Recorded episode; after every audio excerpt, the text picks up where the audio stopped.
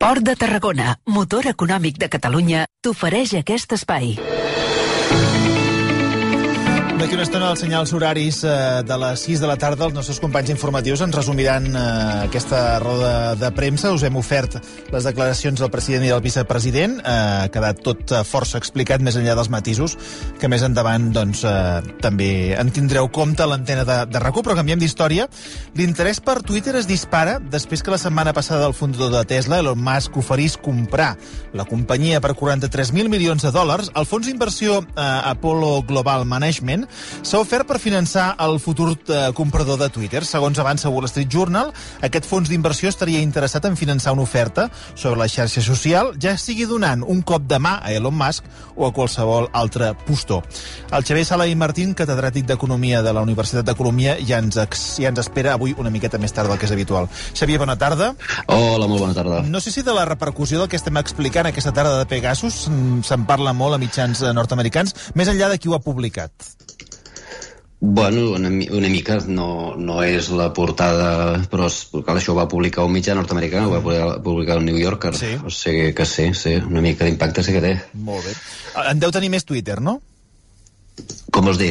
Dic que a nivell de notícia, la notícia de, dels Ah, sí, moviments sí, al voltant clar. de Twitter genera bastant més impacte. Sí, sí. A veure, l'oferta de compra... L'oferta de compra d'Elon de, de, d'Elon Musk és, és més que una inversió, és un caprici de nen ric. Eh? I ho dic perquè no, no és una inversió en el sentit de que quan ell, ell va dir a la, a, a, a la Securities Exchange Commission, que seria com la, la, la, la, la, la, la com es diu, el CNMV de- de- de- Sí, d'Espanya. la Comissió? Nacional de Mercat de Valors, sí. Exacte, pues la, la versió americana seria la E SEC, quan ell li comunica el que, el que va fer, no li diu escolta'm, jo intentaré millorar la rendibilitat, intentaré millorar els ingressos d'aquesta manera, intentaré eh, eh, eh, sé, reduir costos eh, per tenir més, eh, perquè els accionistes guanyin més calés. No, no, no. El que diu és que eh, Twitter té un potencial per convertir-se en un centre de llibertat d'expressió i que la, els dirigents actuals no ho saben fer, però que si ell manés alliberaria aquest potencial i per tant es convertiria en una eina que la, va dir que la, la, la humanitat necessita per, com a centre del que tothom es pot expressar de manera més lliure. Uh, I per tant, o sigui, dit això, el que fa és doncs, fa una oferta de 40.000 milions d'euros, no? uns 40 i pico mil milions de dòlars, Sí.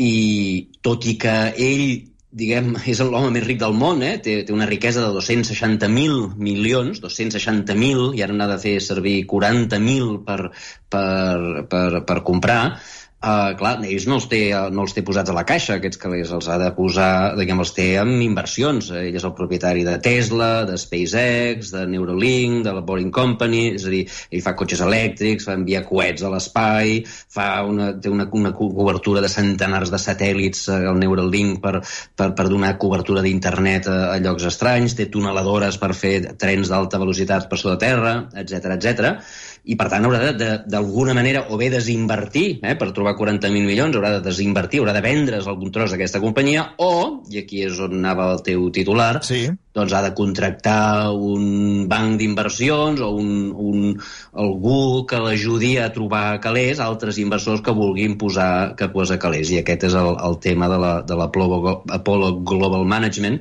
que, que mencionaves. Doncs, el, li, li ajudaran a posar els calés perquè ara mateix ell, doncs, malgrat ser l'home més ric del món, no té els calés a la butxaca. És evident que ni tu ni jo som al cap de- d'Elon Musk, però tu et creus eh, aquest valor social que hi troba? Ell ha dit que l'empresa no prosperirà ni servirà per res, aquest imperatiu social, i que per això ell hi ha de- hi ha d'invertir. Eh, què ens estem perdent aquí, Xavier? Home, ell, diguem, jo estic d'acord amb ell en una cosa, que, que el, el, actualment Twitter eh, censura la gent. Uh, diguem, no, no, hi ha, no hi ha ni, ningú més a les antípodes polítiques uh, que meves, diguem, que el, que el, el, el Donald Trump, mm. però, però jo vaig trobar espantós que se li tanqués el compte. Ja. Um, i, i, I aquest, diguem, no pot ser que una empresa privada de sobte esdevingui el jutge mundial de decidir qui pot parlar i qui no pot parlar. La llibertat d'expressió ha de ser sagrada i malgrat que, malgrat que es diuen tonteries, malgrat que la gent insulta, malgrat que el, el Trump mentia sistemàticament, doncs la manera com s'han gestionat moltes d'aquestes coses a mi em sembla que no va bé. I, i en això estic d'acord amb, el, amb, el, amb el Elon Musk Uh, ara, si, si ha de ser l'Elon Musk el que ho solucioni mm. o no, doncs no ho sé, no, no, tampoc no estic convençut. Ara, el, el que sí està clar és que ell no ho fa com una inversió, no, no, no posa 43.000 milions perquè espera obtenir-ne un rendiment eh, diguem, gestionar-ho de millor manera per guanyar més calés que no pas guanyen ara, que tampoc és que guanyin tant, però, però ho fa en aquest sentit, en el sentit de que ell té una, una ideologia llibertària, de dir, escolta, no pot ser que, que les empreses s'autoproclamin eh, els jutges de, de, de, de, de qui, qui pot i qui no pot parlar al món i per tant ho hem d'actuar. Eh, jo crec que és més això que no pas la part econòmica o la part de rendibilitat de, de negoci. Mm. Ell va entrar amb aquest famós 9,2% de, de les accions. Això era un pla, eh, Xavier? És a dir, eh, per acabar controlant aquesta empresa, i ara et preguntaré per això que se'n diu Poison Pill, eh, hi havia un pla per acabar-la controlant tota? Sí, sí, sí, l'objectiu, i ara ja ho he dit clar, ell va comprar unes accions sense, diguem, diguem per, per, per sota mà, que tothom pot comprar, tu pots comprar accions, vas a la borsa, compres accions, i ell va comprar, i per quan en tens més d'una certa quantitat ho has de dir. Uh, doncs ell ho va dir i, i escolta'm, i, i ara doncs, fa el que s'anomena una OPA hostil, eh? una, una oferta d'adquisició hostil. Hostil vol dir que mm, els, els, els gestors actuals no hi, so, no hi estan d'acord. Yeah. Eh? No, no, I a vegades que els gestors actuals eh, doncs estan d'acord en que se'ls compri. Per exemple, quan recordeu quan CaixaBank va comprar Bankia, eh, tots estaven d'acord. De, fet, de fet, es van repartir els càrrecs. Eh, tu seràs el director general, el, el president de l'altra companyia passarà a ser el vicepresident de la, de la nova companyia, de la fusionada. Això és una, una OPA eh, amistosa, no? Una OPA hostil és quan va un i diu, escolta, compro tot, tu compro tot i, i foto fora els administradors actuals i posaré jo els meus administradors, no? Mm. que, és el, que és el que he fet, el, el que intent, està intentant fer ara. Fins ara eh, té el 9,2, que per cert ja no és la majoria, no és el, el, el propietari més gran. Eh? eh fa una setmana el que tenia més accions, 9,2% de les accions era ell, però ara ja no, perquè durant aquesta setmana hi ha hagut una altra companyia que es diu Vanguard, uns inversors, que n'han comprat més i ara tenen el 10,3. Per tant, ah. ja no és el soci majoritari, eh, sinó que és el segon. Però en qualsevol cas, el, la seva oferta és de que a tots els altres accionistes, eh, els que tenen el, el, si ell té el 9,2%, doncs els que tenen el, el, el, el 91%, el 90, eh, la resta, diguem, el 91%, doncs eh, que eh, els hi diu que els hi donarà un preu i que, que, tot, que tothom li vengui amb ell. I d'aquesta manera tindrà ell el 100%. Ha fet una oferta per tota la companyia i, diguem, el, el, comprar totes les accions actuals, eh, el, és el que, un cop sumat tot el que has de pagar per cada una de les accions, són els 43.000 milions aquells que dèiem abans. Mm. Eh? Ara ho explicaré molt malament, però, és a dir, per això tenim a tu que ens ho aclareixis i ens descodifiquis. Jo em puc negar eh, a, a rebre aquesta OPA hostil i posar algun tipus de maniobra corporativa per defensar-me, o com funciona això? Sí, bueno, una de les coses poden dificultar-ho, poden dificultar-hi. Si la gent vol comprar les accions, si, si la gent vol vendre-li les accions, les vendran i tindrà majoria, eh, no, hi ha, no hi ha dubte.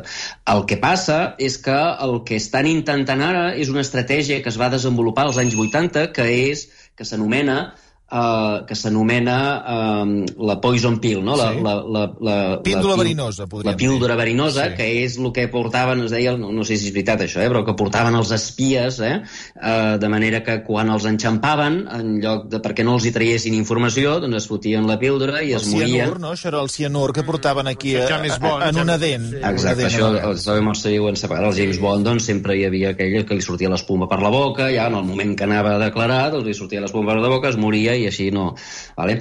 Doncs, eh, doncs això ara es, es fa servir, aquesta expressió, la poison pill, la, la píldora verinosa, per una estratègia que estan una, una estratègia que estan fent servir per no impedir, però sí dificultar la compra. Eh? Uh, I ara, deixem posar uns números que són més o menys, eh, perquè la gent ho entengui, Uh, ara ell, diguem, té... Imagina que, el, que, que mm, Twitter té un total de 100.000 accions, eh? doncs ell n'ha comprat 9.000, que són el 9%. Eh? eh, diguem, per tenir més del 50%, n'hauria de comprar 41.000 més, eh? llavors en tindria 50.000 dels 100.000. Estem d'acord? Eh, doncs bé, el que, vol, el, que, el que pot fer l'empresa, el que estan fent ara els, els dirigents actuals de l'empresa és, eh, diguem, crear 100.000 accions més eh, creen 100.000 accions més. Recorda, les accions són uns paperets, eh? són uns paperets que donen dret a cobrar una part dels dividends, eh? una part dels beneficis. Doncs bé, eh, si en lloc de 100.000 paperets hi ha 200.000 paperets, eh, doncs fixa que com que ell només en té 9.000, en lloc de tenir el 9%, només tindrà el 4,5%. I, de fet, per tenir el 50% ja no n'hi haurà prou en que compri 41.000 més, sinó que haurà de comprar eh, 91.000 és a dir, haurà de comprar moltíssimes més. I això li dificultarà eh, i, li, i li serà més rendible. Clar que tots els accionistes hi surten perdent una mica, perquè, clar, si tu ara tens una acció eh, de 100.000, doncs tens una part, eh, diguem, un, un, un percentatge. Si de sobte hi ha 200.000 accions, doncs, de, doncs ara tens la, la meitat del percentatge, tens una mica menys, i per tant et tocaran una mica menys dels, dels dividends. I per tant, això és el que s'anomena que es dilueixen, es dilueixen les accions. Cada acció és una part més petita del total, però el que això fa és que el que vol comprar, eh, amb 41.000 ja no tindràs el 50%, sinó que eh, tindràs només el 25%, eh, perquè tindràs 50.000 però el total no són 100.000 accions, sinó 200.000 accions. I, per tant, només tens una quarta part, no la meitat. I això et dificulta, això et fa més car, això fa que sigui menys rendible i molt sovint, pels que volen invertir, per els que volen comprar una companyia per guanyar calés, Uh, sovint això fa que diguin, mira, saps què? No compro. Yeah. Eh? I, per tant, els, els propietaris, diguem, els, els gestors actuals, doncs aconsegueixen uh, vèncer el dragó que els, que els volia, que els volia uh, comprar d'una manera hostil. Uh, el que passa és que, com ja he dit, aquest senyor no ho fa per rendibilitat. Aquest senyor és un nen ric que té un caprici i que diu jo vull salvar el món, eh? ell s'ha donat, ha donat a si mateix aquesta aura de salvador. És, és perillós, això, eh? eh vaja. Exacte, és perillós, però diguem que com que no ho fa per rendibilitat, doncs amb ell tant li fot si s'ha de gastar 40.000 com 50.000 com 60.000. Uh, el seu objectiu és ser una mena de Robin Hood i que tothom l'admiri i li digui el bo que és uh, perquè està salvant el món i com que té molts calés, doncs mira, és, és la, la seva manera de gastar calés, es veu que és un home molt auster, eh? no li agrada ni comprar-se cases, ni comprar-se iots, ni comprar-se res, eh, li agrada treballar, treballar, treballar, doncs mira, els calés se'ls vol gastar així, i per tant, la píldora aquesta verinosa, mm, tot i que eh, tendeix a evitar eh, opes hostils en molts casos que busquen rendibilitat, jo crec que en aquest cas no acabarà funcionant. El que pot acabar funcionant és que ell es fastiguegi i digui, saps què, eh, ara aniré a fer de Robin Hood d'alguna altra manera. Recordeu que aquest senyor ja va fer de Robin Hood. Recordeu que una, quan, quan tothom es va posar a comprar accions d'una empresa que no valia res, d'una sí. una empresa de videojocs... Sí, de, ho vam explicar al programa, sí, sí. Exacte, que ho vam explicar. Uh, doncs ell es va autorigir perquè va derrotar en els grans inversors de Wall Street, els havia fet perdre calés. Crec que era Blockbuster. Pot ser? Sí, no, no era Blockbuster, però era, era una cosa similar. Era una, era una de vídeos que, sí. similar, però que, que ja no... El Blockbuster ja no existeix, eh? sí. però és una que, que, que havia que ja no me'n recordo com es deia, però és igual. E, ell es va autoerigir com, com el defensor, va, va coordinar milions de petits inversors perquè tots compressin i així enfonsessin el, a, un, a uns inversors de Wall Street. Doncs a mi li agrada això, li agrada fer el paper aquest d'ajudar a, a les masses i de fer-se del Robin Hood, i ara jo crec que està en una cosa similar i per tant jo crec que la, la, la píldora verinosa no, no funcionarà. Clar, eh, econòmicament em sembla un cas molt, molt interessant, perquè tu no tens defenses, no?, contra una persona que li és igual gastar molt o, o gastar poc. Exacte, sí, sí. Tu estàs totalment venut. Eh, aquí no sé, l'estratègia eh, econòmica no, no sé si existeix, juguen altres factors, no? Exacte. Per, per, per això és molt important que el Barça no esdevingui una societat anònima, mm. eh? perquè un cop ets societat anònima ho pot comprar qualsevol. Exacte. Hi, hi ha un mercat, hi ha un mercat que vas i, i compra accions, i si veu xino i compra accions, doncs de sobte el Barça és xino, i si veu un àrab i compra accions, de sobte és àrab. Uh, diguem, el, el que, que sigui una societat anònima vol dir que, que ho pot comprar qualsevol. Uh, L'única manera és que, que no et pugui comprar aquesta gent és doncs, que no, no està en el mercat, no està a la venda i per tant no ser una societat anònima. Societat anònima vol dir que eh, tens uns paperets, eh, que qui tingui més d'aquests paperets és el propietari, i a més aquests paperets es poden comprar i vendre. Mm. No, no, escolta, si ve un senyor i compra, doncs ell és el propietari, i punt. Ja hem trobat l'empresa, eh? era GameStop. Uh, Exacte. Estava al voltant. Uh, Blockbuster mm. efectivament va existir, però ja, ja no hi és. empresa encara funciona? GameStop. Doncs uh, no sé ara mateix en quin punt està. Als Estats jo Units, suposo que sí, però ja estava a punt de fer fallida, perquè és, senyor Marcelí, és, és d'aquestes empreses que uh, llogaven DVDs. Eh? O sigui, que ja no fa ningú, fa ara ja tothom... que deu haver fet una fallida extra, estrepitosa. Exacte. Per això era tan estrany que de sobte comencés a pujar com l'espuma, i pujava, i pujava, i pujava, i la, la, el truco aquí era és que hi ha, diguem, hi ha moltes maneres d'operar la borsa. Una de les maneres és apostar a que la cosa baixarà. I els grans rics de Wall Street apostaven, òbviament, apostaven a que aquesta empresa aniria baixant perquè el seu negoci anava desapareixent. Uh, I com que tots havien apostat a que baixaria, doncs va venir l'Elon Musk amb, amb un milió de, de petits inversors que van, que van posar cada un molt pocs diners, però clar, entre tots feien molts diners, van comprar i van fer pujar, pujar, pujar, pujar, pujar, i els inversors que havien apostat a que baixaria doncs es van arruïnar. Yeah. Uh, el que passa és que la segona part de la història no s'explica, i és que, clar, tota aquesta gent que va comprar, comprar, comprar, van fer pujar el preu, però ells, clar, ells compraven a un preu alt. Uh, I quan l'Elon Musk es va retirar, el preu va tornar a baixar. I tots aquests inversors que van posar molta pasta, doncs es van quedar amb uns paperets que no valien res. Tinc aquí la pàgina web uh, oberta, com a mínim l'edició digital sí que funciona. Ah, uh, aquí estan venent els seus, els seus jocs. Uh, acabarem parlant del, del conflicte entre Rússia i Ucraïna perquè la presidenta del Banc Central rus ha avisat que les reserves del país estan acabant i que la veritable crisi arribarà entre el segon i el tercer trimestre d'aquest any. Eh, Elvira Naviullina diu que els principals problemes estan associats a les restriccions eh, a la importació, a la logística del comerç exterior i en el futur a possibles restriccions eh, a l'exportació de productes russos. De fet, Xavier, eh, t'has fet ressò a través de Twitter que un dels centres més grans de producció d'armament a Rússia ha anunciat que deixa de fabricar tancs. I això és perquè no li arriben aquests components, no? Exacte. Exacte. A veure, el, el, gran, el gran problema de Rússia, de, de l'economia russa, és que a diferència de la URSS, la URSS era autàrtica, autàrquica. És a dir, tot el que produïa la URSS ho produïa a, eh, a la URSS i tot, tot es feia a la URSS. És a dir, per fer un tanc havies de fer doncs, 50.000 o 200.000, no sé quantes peces, totes es feien a la URSS. Ara no. Eh, ara Rússia, en els darrers, darreres dècades, doncs anat eh, incorporant a la, a la globalització, aquesta globalització globalització que tots coneixem, en el qual doncs, eh, un, una bicicleta o un cotxe doncs, es fa amb components que venen de tot arreu, no?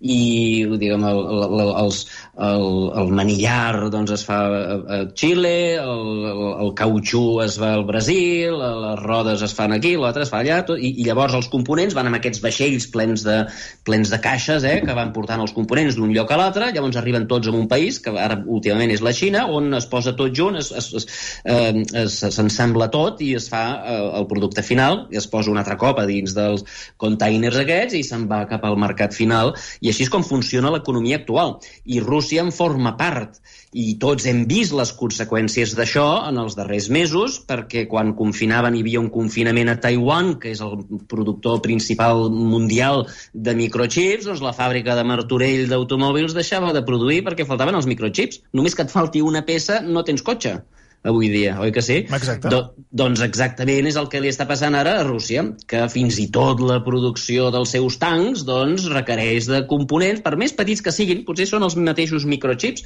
eh, que han de venir de fora. I què passa? Doncs que la major part de països, no de països del món, perquè els països pobres no s'han pronunciat, però dels països rics, la major part de països rics, eh, doncs li, li fan un boicot, no li venen coses. Les empreses multinacionals els hi fa por comerciar amb Rússia perquè ara mateix està molt mal vist perquè, eh, diguem, per les bestieses que està fent a Ucraïna, el, els clients doncs, eh, eh, critiquen a les empreses que comercien amb Rússia i per tant les mateixes empreses, les que no estan sanciona, sancionades, doncs elles mateixes ja s'autosancionen i deixen de vendre. I clar, eh, com passa amb els cotxes de Martorell, només que falti una peça, doncs no hi ha cotxe. Mm. I només que falti una peça, no hi ha tanc. I no hi ha tancs, i no hi ha, fa, no hi ha maquinària de, jo què sé, de, de tèxtil, no hi ha maquinària per fer res.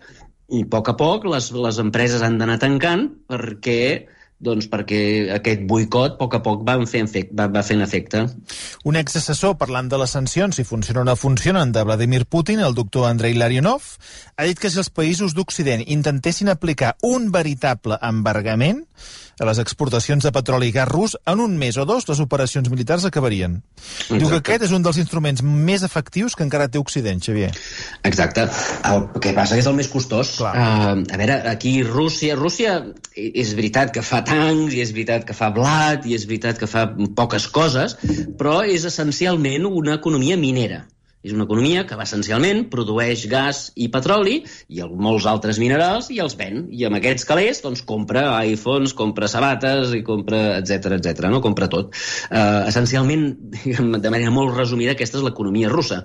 I, de fet, les vendes de gas i petroli són molt importants. Europa li dona cada dia del món, cada dia, ara mateix li estem donant mil milions d'euros eh, per pagar-li el petroli i el gas. I, clar, aquest senyor agafa aquests calés i els eh, utilitza doncs, per fer la guerra contra Ucraïna i, per tant, a l'Occident estem en aquesta situació esquizofrènica Totalment. que, per un costat, estem ajudant a Ucraïna a defensar-se i, per altra banda, estem ajudant a, a Rússia, li comprem el petroli perquè utilitzi els calés per, per atacar els altres, no? Um, i, com diu aquest, eh, aquest assessor de Vladimir Putin, clar, si es tanca l'aixeta, automàticament es queda sense res eh, Putin no, no pot fer res sense el petroli i sense el, i sense el gas. Quin és el problema? Doncs que Europa, en les darreres dècades, sobretot Alemanya, han tingut la teoria equivocada, ara veiem que és equivocada, de que si tenim relacions comercials amb els russos, doncs no ens farem mal. Eh? Els socis comercials tendim a no atacar-nos entre nosaltres i, per tant, el que hem fet ha sigut, el que hem fet els alemanys ha sigut anar augmentant la dependència del, del gas, pensant que això faria doncs, que els russos es comportessin. Ara veiem que aquesta teoria era falsa, i, però clar, Alemanya està atrapada. Um, el petroli també, depenem del petroli, però el petroli és més fàcil substituir-lo. Eh? Mm. Perquè el petroli normalment arriba amb, amb uns vaixells i, i ja tothom té eh, uns, eh, diguem, uns containers en els aeroports on es posa el petroli i per tant eh, diguem, pots deixar de comprar a Rússia i comprar-lo a Aràbia Saudí l'únic que hem de fer és convèncer els àrabs de que produeixin més i ja està. El problema és que el, el gas, sobretot el gas d'Alemanya, ve a través d'oleoductes i no es pot substituir de manera fàcil per gas liquat, yeah. eh? gas que arriba efectivament amb un vaixell. Uh, podrien comprar gas liquat d'Austràlia, podrien comprar gas liquat de Qatar o dels Estats Units, uh, però mm, ara mateix Alemanya no té instal·lacions per agafar aquest gas liquat, desliquar-lo, tornar-lo a convertir en, en gas i posar-lo en les canyeries perquè arribi a les cases per, fer, per, per, per encendre les calefaccions. Això no ho pot fer. I, per tant, Alemanya, sobretot, o sigui, el nord d'Europa, depenen crucialment del gas rus. Ara mateix la Unió Europea ha redactat un projecte de llei per, per, fer, per, per, per intentar deixar de comprar petroli, però ara mateix Alemanya eh, suposa radicalment a fer el mateix amb el gas. Per tant, el que és possible que passi en els propers mesos és que els europeus deixem de comprar petroli a, a Rússia i el passem a comprar diguem, a, a d'altres dictadors d'aquests eh, de diferents colors que hi ha pel món Uh, però que el gas, això, si Alemanya no canvia, el, el Putin seguirà rebent un xec cada dia uh, d'una magnitud considerable. M'ha eh? l'esquizofrènia de, de, de la guerra, que els financem a, a tots dos, a, amic i, i enemic.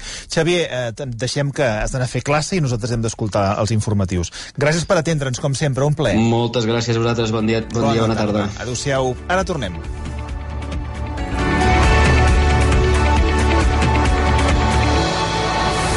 De Tarragona, motor econòmic de Catalunya. Node logístic del corredor del Mediterrani. Uneix Catalunya per ferrocarril amb Europa i amb el sud i l'interior de la península Ibèrica. Port de Tarragona, una porta oberta al món per a tot tipus de tràfics marítims i un espai d'oportunitats per a noves activitats logístiques. Més informació a porttarragona.cat.